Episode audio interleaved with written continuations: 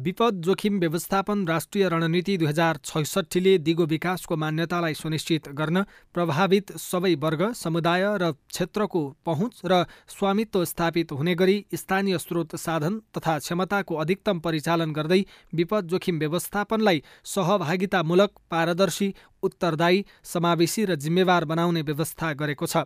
तर स्थानीय तहहरूमा निर्माण हुने योजनाहरू सो रणनीति अनुसार नभएको पाइएको छ। नेपाल निरन्तर दोहोरिरहने बाढी पहिरो महामारी आगलागी शीतलहर र हिमताल विस्फोट बाढी पहिरो तथा विनाशकारी भूकम्पको जोखिममा रहेको मुलुक हो। जलवायु परिवर्तनका कारण पर्ने प्रतिकूल प्रभावबाट पनि नेपाल संवेदनशील अवस्थामा रहेको छ। त्यसैले विपद जोखिम व्यवस्थापनलाई केन्द्रदेखि स्थानीय तहसम्म विस्तार गरी सबै तहका विकास नीति तथा कार्यक्रममा मूल प्रवाहीकरण गर्नुपर्दछ तर स्थानीय स्तरमा बन्ने समितिहरू सहभागितामूलक नहुने गरेको लक्षित वर्गको गुनासो छ। नमस्ते मेरो नाम चाहिँ दिनेश विश्वकर्मा। म लालबन्दी नगरपालिका पन्ध्रको यो चुरी भेग अलिकति दुर्गम ठाउँमा मेरो बसोबास छ।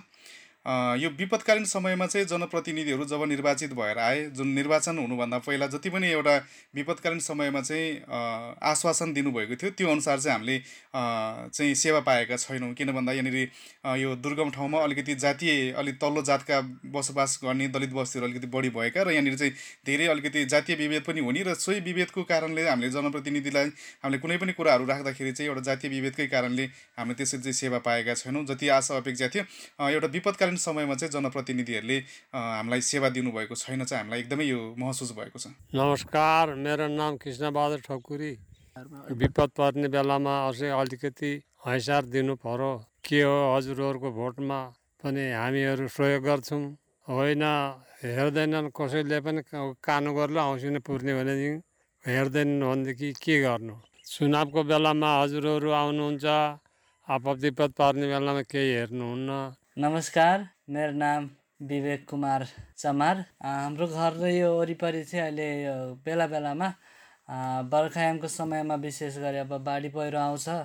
त्यो बेलामा हामीलाई यो राहत आयो आयो भन्छ तर ल्याइदिँदैन बिचमै हराइदिन्छ। अनि गएर जनप्रतिनिधिसँग पनि भन्यो आउँछ तपाईँलाई ल्याइदिन्छु भन्छ। अब त्यो पनि आउँदैन। हामीलाई धेरै तल्लो जातको छ भनेर त्यो पछि पनि पारेको हो कि जस्तो पनि लाग्छ बेला बेलामा। अनि अस्ति भर्खर बुवा त्यहाँनिर गएको थियो राहत आयो भनेर। त्यतिखेर पनि होइन तपाईँलाई हल्ला फिजाइदिएछ कुन चाहिँले आएकै छैन भनेर पठाइदियो। त्यतिखेर समाचारमा चाहिँ हामीले सुनेको थियो। यहाँनिर छेउमै छ रेडियो त्यहाँबाट सुनेको थियो। राहत आएको छ लिन जानुपर्छ भनेर भनेको थियो। जाँदाखेरि अब हामीलाई कहिले त अब यो सानो जात भनेर पनि हेपेको जस्तो लाग्छ। अनि कहिलेकाहीँ अब खै के हो के हो यो हामी त बुझ्नै सक्दैन सरकारको नियम। अब के गर्ने हो त्यसमा चाहिँ विशेष ध्यान दिनुपर्छ। हाम्रो घर परिवारमा फेरि त्यति पढे लेखेको मान्छे पनि छैन। अब हामी अहिले दस कक्षामा पढिरहेको छु। अनि त्यही भएर अब घरमा कोही आउँछ अब हामीलाई नि बोलाइहाल्नुहुन्छ बुवा मम्मीले। अनि के हो कसो हो भनेर बुझ्दाखेरि अब राहत आएछ कि भन्छ। अब यो सहयोग आछ त्यो आछ भन्छ। कसैले पनि हेर्दा पनि हेर्दैन। चुनावको बेलामा भोट माग्न आउँछ। भोट माग्ने मान्छे पनि आएपछि फेरि पाँच वर्षसम्म गायब भइदिन्छ।